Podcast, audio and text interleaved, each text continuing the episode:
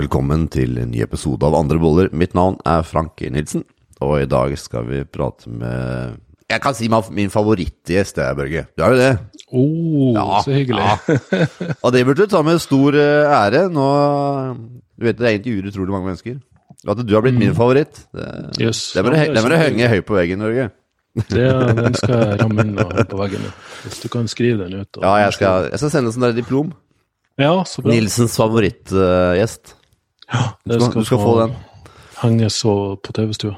Jeg leste en eh, kul artikkel som jeg sendte til deg, Børge. Og Ja. det var en mann som faktisk ble full hver gang han spiste karbohydrater. Kan du, kan, du, kan, du, kan du fortelle litt av historien her? eller? Ja, eh, jeg ble helt uh, sjokka sjøl, jeg. Men eh, eh, For vi, vi, det har jo kommet ei bok for noen år siden som heter 'Sjarmen med tarmen'. Og Julia Anders som har skrevet den. Hun har jo vært på Skavlan og, og gud vet, liksom. Og snakka om at uh, vi har et helt univers i magen vår. Der uh, uh, tarmbakteriefloraen eh, kan styre vårt humør, det styrer hva vi eh, eh, tåler av mat. eh, altså det, det påstås, hevdes at det er flere bakterier i magen vår enn det er nevroner i hjernen.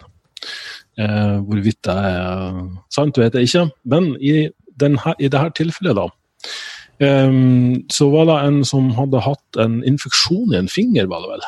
Og så hadde han fått en antibiotikakur. Og som veldig mange vet, så kan antibiotika være tøft på magen. Det vil si, eh, de, er, de differensierer ikke mellom bakterier, de går til angrep på alt, inkludert de bakteriene vi trenger for å fordøye mat.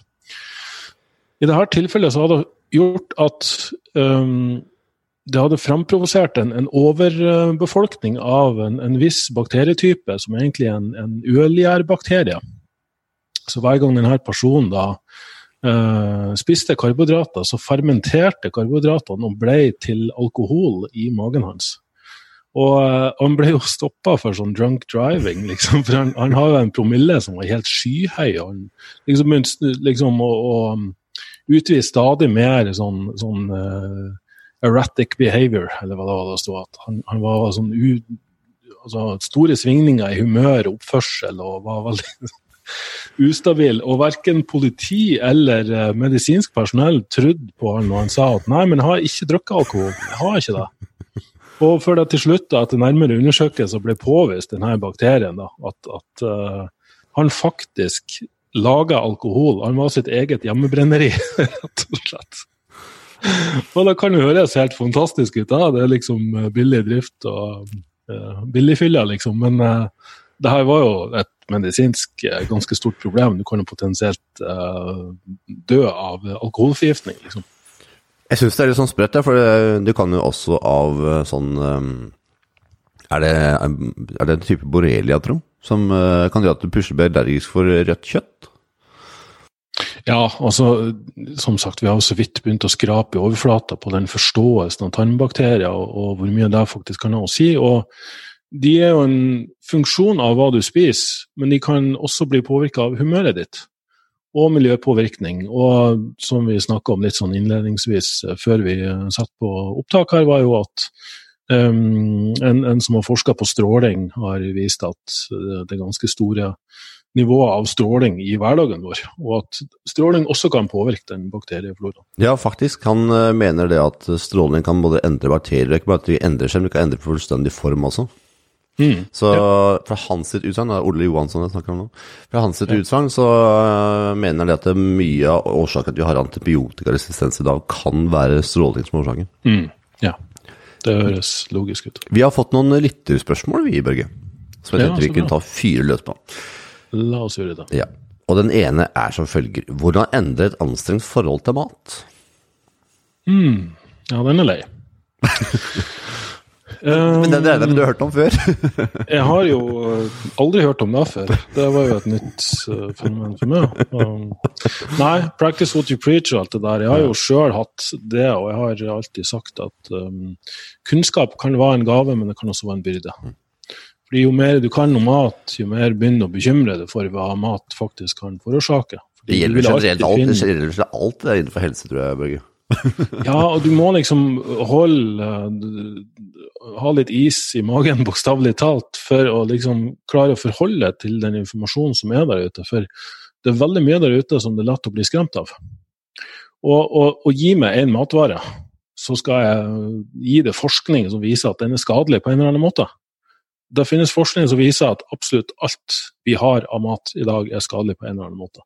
Enten vi har mikroorganismer eller sprøytemidler eller matvarene i seg sjøl, antinæringsstoffer. Eh, nå er det jo et innlegg som uh, tok veldig av på Facebook, hvor han uh, eh, om Game Changers, den filmen om vegansk kosthold og idrettsutøvere. Og der hevdes det jo at det å spise animalsk er jo veldig dødelig og skadelig for oss.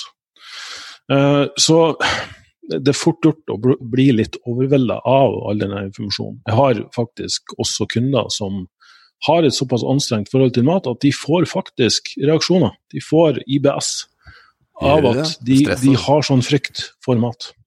Den samme personen som det var snakk om her, um, har for øvrig et ganske sånn stressende liv og grubler og tenker mye. og um, skal passe på alt mulig, at alt er sånn som det skal være. Um, opplevde da i sommer å være på ferie.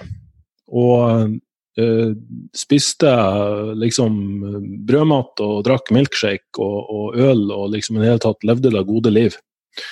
Hadde ingen som helst symptomer på IBS. Kommer hjem og begynner å spise fornuftig igjen og får store problemer. Så er det da maten som er problemet. Jeg stilte bare han det spørsmålet, og du så bare han tenkte grundig før han svarte.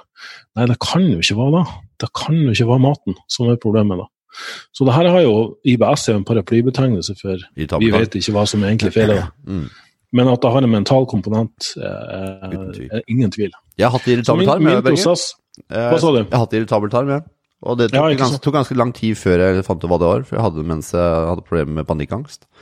Ja, og den ene dagen skulle jeg spise poteter, den andre bare spise kokte gulrøtter. Det var liksom helt umulig å forstå hva som egentlig var greia, fram til jeg skjønte at det, var, det er ikke stresset. det er ikke stresset, nettopp. Eller det er stresset, sant. Det er jo egentlig det. Ja. Uh, at det er en nær sammenheng der. Og så sier jeg alltid når jeg har pasienter med IBS, så har de en stor greie i livet som de går og bekymrer seg over og, og koker og kverner over.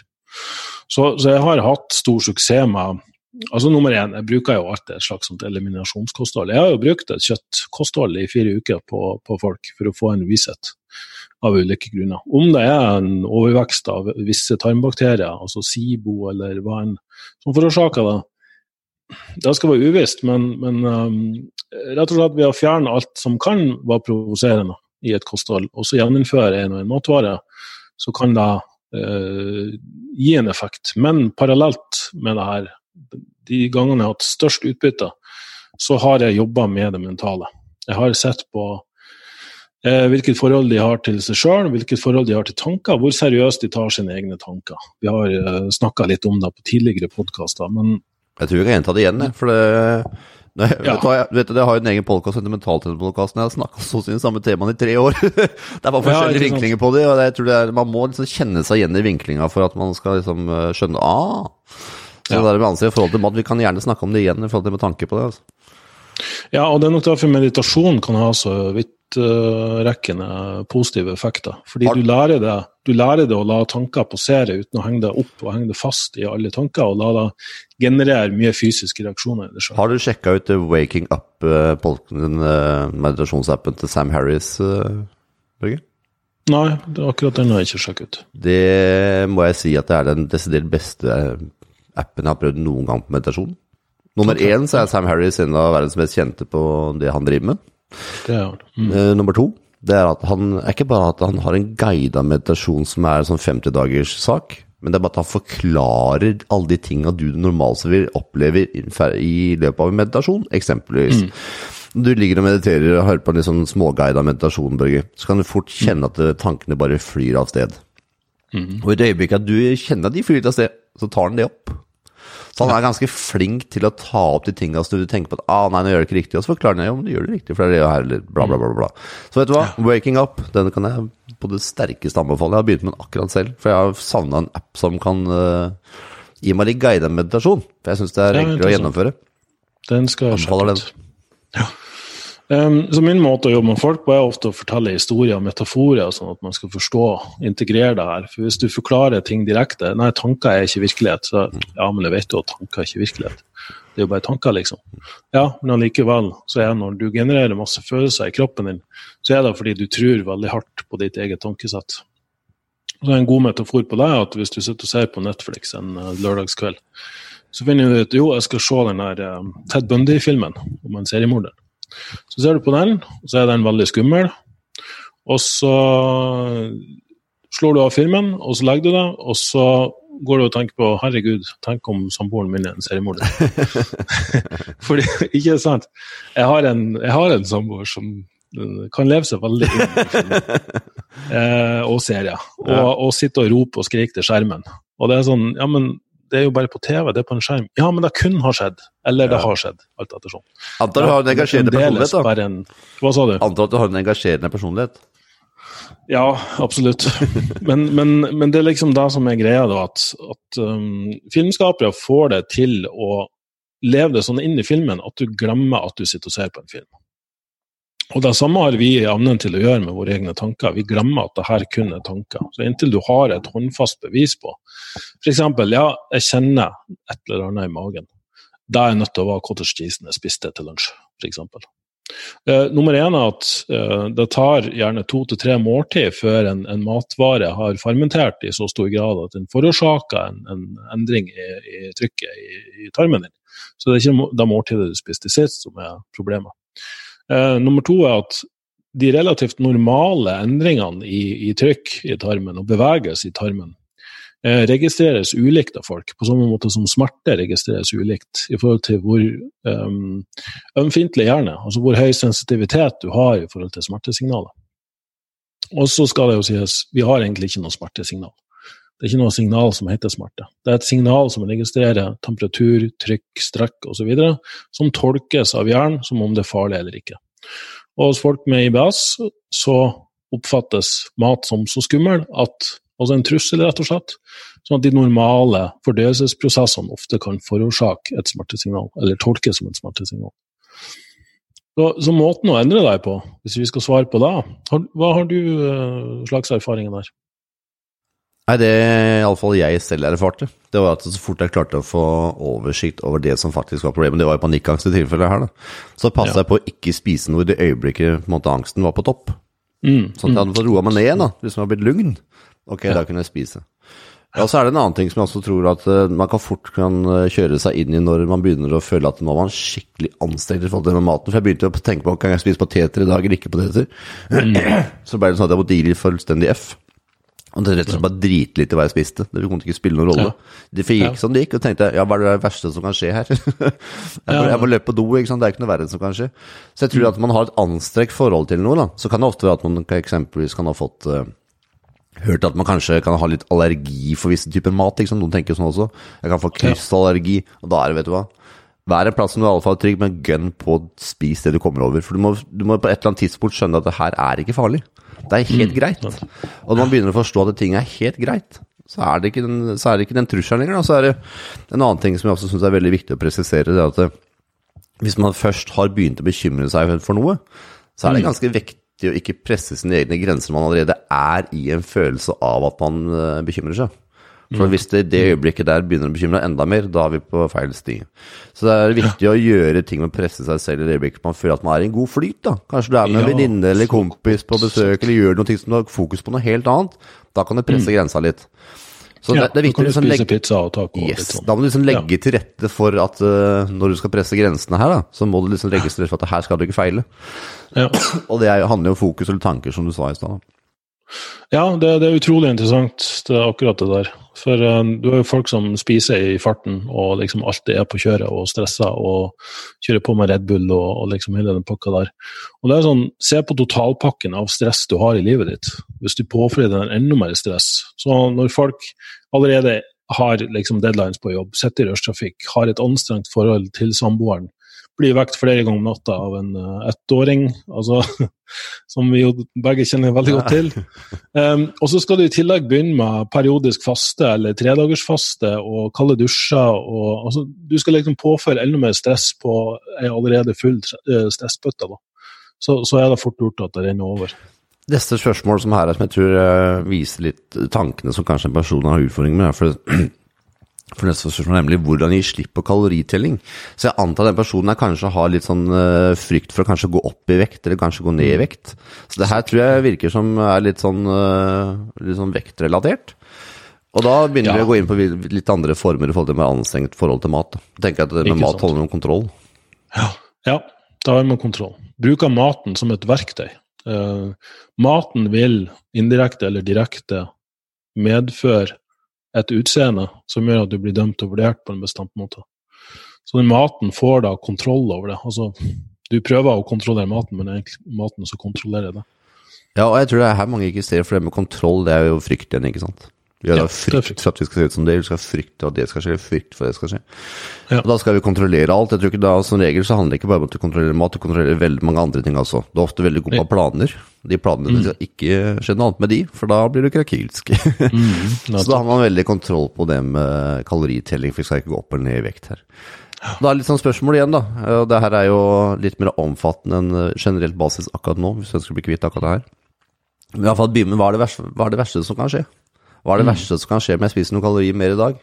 Jo, kanskje jeg går opp litt i vekt, eksempelvis. Mm. Ja, hva er det verste som kan skje om jeg går litt opp i vekt? Nei, føler meg kanskje litt mer dårlig, da. Ja, hva er det som kan skje med det, da? Så hvis du kjører spørsmål der rundt ja. hele rekka, da, så vil du si at ja, hva er egentlig det verste her? Nei, det er egentlig ikke en jævla dritt. ja. Så man må jo huske jo, den, Men jeg får, også, jeg får også veldig ofte en sånn at ja, men det er vel ingen som liker meg, da. Eller at eh, folk slutter å være glad i meg og sånn. Og da tenker jeg ok, så du vil si at folk som er overvektige, de har ingen venner, de har ingen, ingen familie som bryr seg om dem.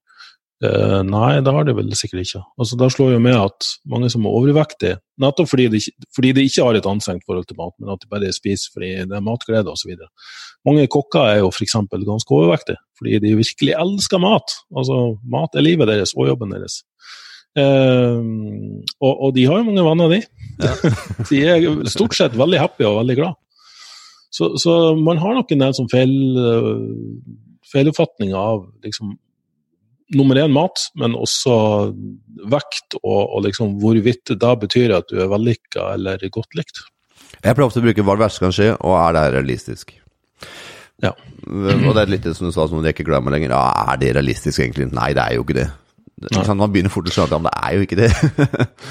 Nei, og min, min, coaching går jo veldig ut på å uh, lære folk å gi slipp på kaloritelling. Mm, så bra. Uh, og, og lære seg å sette sammen måltid og uh, rekalibrere denne mettelsesfølelsen sin, sånn at du slutter å tenke på mat som en sånn straff-belønningsbasert greie, og, og, noe som er sunt, usunt eller farlig, ufarlig. Men det, mat er jo drivstoff. Og det kan også være en sosial begivenhet som du inntar eller lager sammen med folk du er glad i, og, og, og liksom nyter i sosialt lag. Um, men um, vi, har, vi er født med et instinkt som, som er Hvis du aldri hadde lært et barn om kalorier eller eh, vitaminer eller makrosammensetning, så klarer de helt fint de med mindre du selvfølgelig kun fôrer dem med overprosessert eh, junkfood. Men hvis de har rik tilgang på naturlig næring, vi har jo snakka om det her i gjentatte episoder, det er gjort forsøk på det her. Og Da klarer de helt fint å spise nøyaktig den matmengden de skal ha for å holde seg sunn og frisk, og til og med for å kurere egne sykdommer. Så, så det er vi født med, uten at vi har noe kunnskap om mat. Så for deg som har sendt inn den mailen, så anbefaler jeg å ta kontakt med Børge. Så, fordi det er med å Ja, men det er ikke tull. Men det er fordi at har du utfordringer med det med, med ansvar i forhold til mat, så er det ikke bare sitte her og si generelt ja, tenk sånn eller sånn. Det er en, det er en prosess, som alle andre ting som handler ja, og Interessant nok, de, de, som kontakter meg for en sånn coaching, da, sier at jeg har en seksukerspakke der vi snakker hver uke. Og i løpet av kanskje en time, en time samtale, så snakker vi fem minutter om mat og trening. Resten går med til men, det mentale og, og stress og, og liksom det forholdet du har til deg sjøl og verden rundt. Mm. Og det er det verdt. Går du rundt og har en type utfordring, så gjør noe med det. Nummer, nummer to, som vel nummer tre her. Det er hvordan praktisere intuitiv eating når man mister kontakt med kroppens signaler? Det er et Kjempegodt spørsmål. Ja, veldig godt spørsmål. Og det er ofte for mennesker som sliter med overspising og osv. Ja, jeg vil jo faktisk si at det å følge en matplan, som inkluderer alle matvaregrupper, og over en viss periode, men av og målt mengde. Eh, så jeg starter alltid folk på en matplan.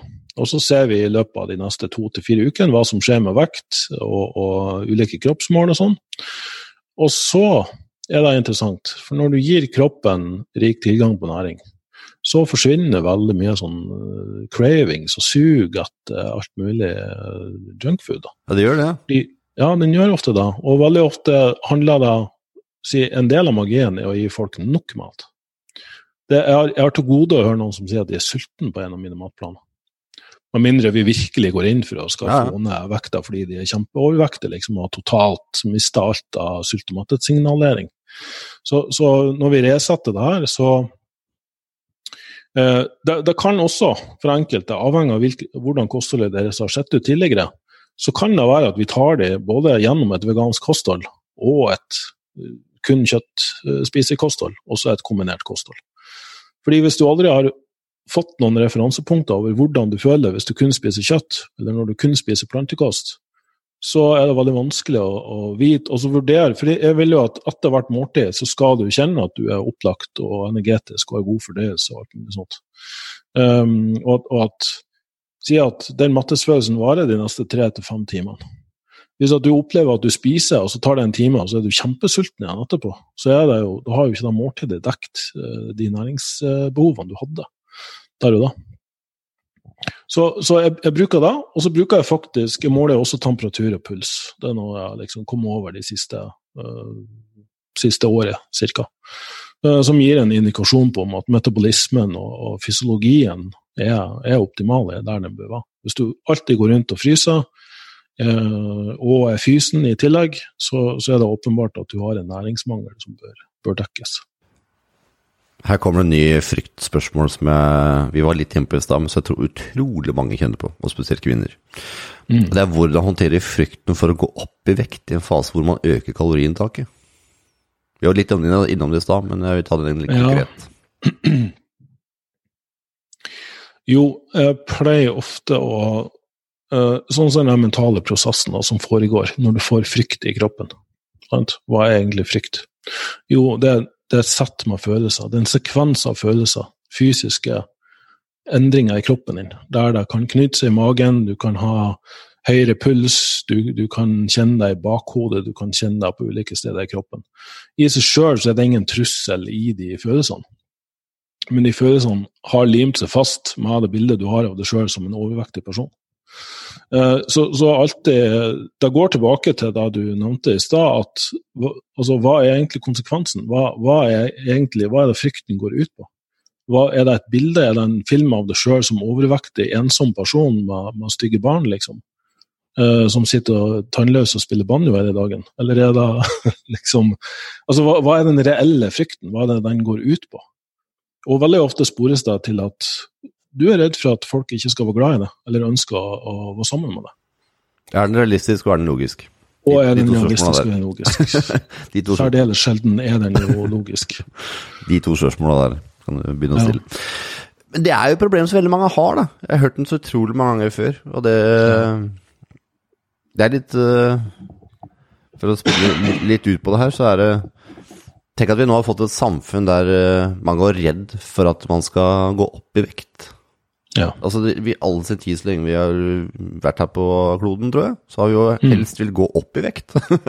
ja. Nå har vi plutselig kommet til en eh, tid der vi plutselig skal være redd for at vi skal gå opp i vekt, for vi ikke skal bli likt, eller at vi skal føle oss dårligere.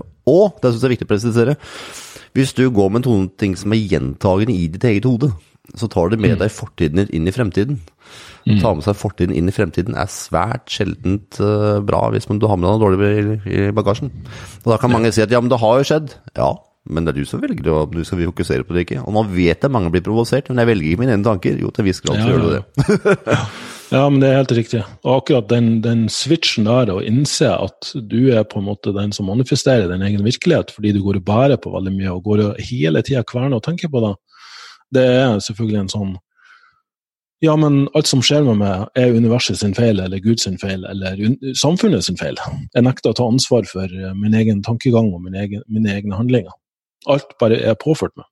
Og det er den offermentaliteten som, som ofte skiller de som mislykkes og de som lykkes. De som lykkes, er de som faktisk tar ansvar for hva de tenker, hva de gjør, og hvordan de forholder seg til informasjon som blir servert.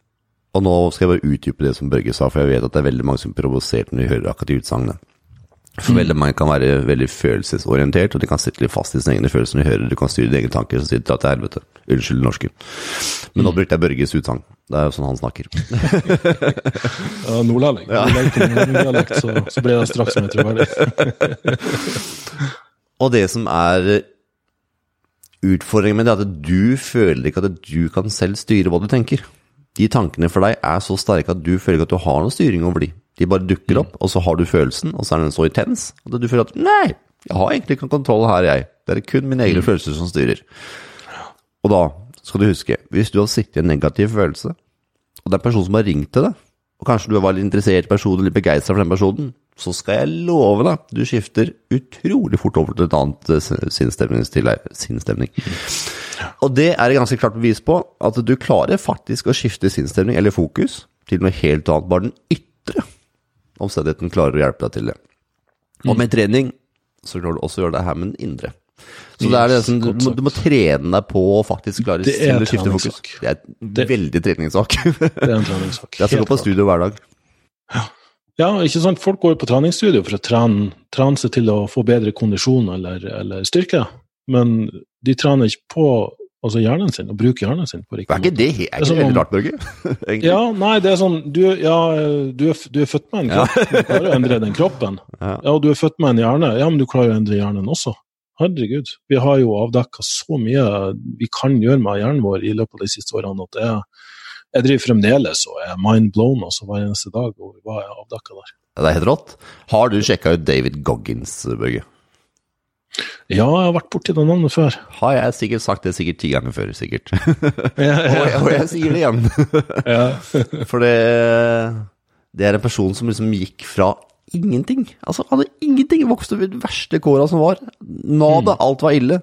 Og plutselig så klarer du å snu om til å være det stikk motsatte og løpe ekstremtriatlon, eller ikke triatlon, ja, ekstrem, sånn ekstremrace. Mm. Ja. Han løper det med splintere i leggene og blir lagt inn og løper fortsatt videre. og Det er den, den ekstremsyken. Han går liksom inn i den der Goggins-greia. Det er ja. rått med det. altså han Følg han på Instagram. David Goggins. Ja. Han uh, trenger inspirasjon og føler at det er litt sånn smålat. Så er det ganske fin inspirasjon til å se hva som er mulig å få til med egen hjerne. Altså. Det er jo helt utrolig. Jeg skal fortelle en liten historie først. Og jeg hadde med en kunde i fjor, da jeg fortsatt jobbet litt med mentaltrening. Og den personen ønska å ville presse seg litt. Så tenkte jeg greit, hva kan vi gjøre her? Så jeg tok med en 16 kilos kettlebell. Mm. Så sier at det her var midt på vinteren, altså det var jækla kaldt, og det var snø. Mm. Vi skulle gå langt. To timer skulle vi gå. Si at at nå skal du bære den her. Hvis du ønsker å stoppe opp, så kan du kun gjøre det hvis du går og bader. Oi. det som var, den personen her, som i utgangspunktet er litt sånn klagete Jeg vet du hører på, du er litt klagete. Ja. så bærte han den kettlebellen i to timer. Snakker om 16 kilos kettlebell i ulendt terreng, og det var tungt. Og jeg så han var sliten, sliten. Jeg spurte har du lyst til å stoppe opp og bade. Nei, det ville han ikke. For han visste at han måtte gå helt fram allikevel. Mm. Tenk å gå og bære en 16 kg skateboard i to timer som egentlig ikke er noe poeng. Mm. Ja. Det er mental styrke. Ja. Og det her er utgangspunktet personen jeg aldri trodde ville komme til å gjøre det. Så denne, vi har alle sånn styrke i oss til å gjøre ting som vi egentlig um, klarer å få til. Vi, må bare presse oss forbi den der komfortgreia som vi driver med. Og ja. her, Børge, vi vet ikke at vi har snakka veldig mye om det med sosiale medier, og det er egentlig jævla dritt. Det har vi snakka om flere mm. ganger. Mm. Det har jo kommet en ny uh, app nå som heter TikTok. Som heter? TikTok. TikTok, ja. TikTok. Mm. Den er ekstremt okay. rask, voksende, og nå er det ca. 1,2 milliarder mennesker som bruker den. Ja. Og det er kun 11-15 sekunders videoer. Og det er en ganske stadig, hvis jeg skjønte det riktig, så er det stadig nye challenges. Og det jeg syns er perfekt med det, det er at hvis du er en person som er veldig i din egen komfortsone, deg, Børge, mm. så det her går på sangkonkurranser eller miming eller dansing eller alt annet. Jeg tenker, vet du hva, Hvis du er litt den personen som trenger litt ut av komfortsonen, så er det en veldig fin måte å komme litt ut av på. Altså. For jeg kjørte oppover her en dag med en, med en kompis. Så sier jeg, kan vi ikke ta synge Eye of the Tiger? For jeg, i bilen jeg har, så er det jo karaoke. Oh, ja. Og det er ingen av oss som på noen måte kan synge, og vi syns det er minst er like flaut begge to, og det høres jo helt jævlig ut. Men den derre ut av komfortsonen-følelsen, da. Å bare gjøre sånne ting, og det presser deg litt, det inspirerer deg litt da, til å gjøre det, for TikTok er enda så nytt enn at du får mye views på det du gjør. Og Ja. her har jeg det positivt å si om det. Hvis en ting kan få deg litt ut av komfortsonen, gi deg en godfølelse, og det er det, tenker tenker jeg da go for it. Altså. For det er noe vi mangler, Ja. så er det litt ut av komfortsonen i gass. ja, det er veldig, veldig godt sagt. Det, det støtter jeg fullt ut. Vi trenger det, Børge, så nå ser vi snart Børge på TikTok syngende. Ja. jo da, kanskje. Vi får se. Bare vent. Neste gang vi Jeg tror, det, jeg tror det presser den komfortsonen stadig vekk. Jeg driver og utfordrer liksom, hva jeg tror på og hva jeg mener om alt hele tida. Liksom. Ja, Men ja, jeg kan sikkert begynne å synge litt mer. Ja. Vi hører alle at komfortsonen Børge allerede begynte å bli litt pressa nå. Så neste gang vi ses, så skal vi ta fra TikTok. Ja, neste gang skal vi synge, skal vi synge karaoke. Igjen veldig hyggelig, Børge. Og for deg som hører på, hvis du ønsker å sende noen forslag og tema som dagens lytter hadde gjort, så send det til podcast at meirevolution.no. Og tusen, tusen takk for at du hører på. Ha det bra. Ja, tusen takk. Ha det.